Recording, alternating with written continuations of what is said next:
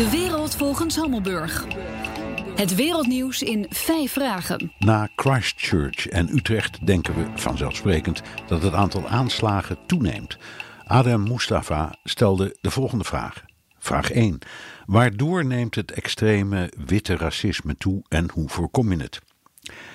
Christchurch was gruwelijk en voor Nieuw-Zeeland nieuw.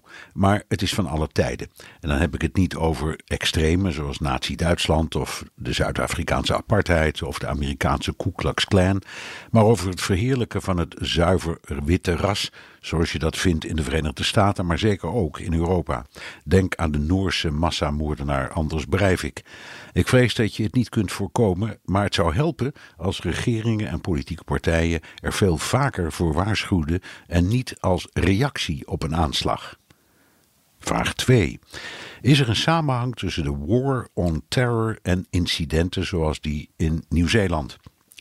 Dat betwijfel ik. Denk eens wat verder terug. In de jaren 50 werd Frankrijk geteisterd door ontelbare bomaanslagen door de Algerijnse onafhankelijkheidsbeweging. Of de Ierse IRA, die half Engeland opblies. Datzelfde gold voor de Duitse Rote Armee-fractie en de Bader-Meinhof-groep.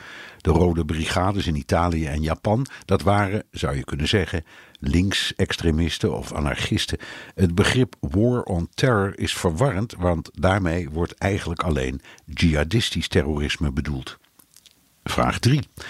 Moeten inlichtingendiensten hun accenten verleggen van moslim-extremisten naar extreemrechtse groeperingen?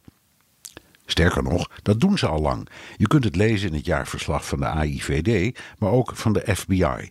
In Amerika vinden dagelijks schietpartijen plaats en zijn opvallend vaak rechtsextremisten. Vraag 4. Wat is de verantwoordelijkheid van sociale media in de toenemende islamofobie?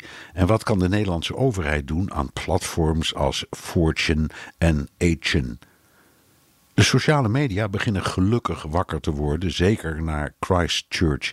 Maar in alle democratieën is de vrijheid van meningsuiting een groot goed, dus het is lastig.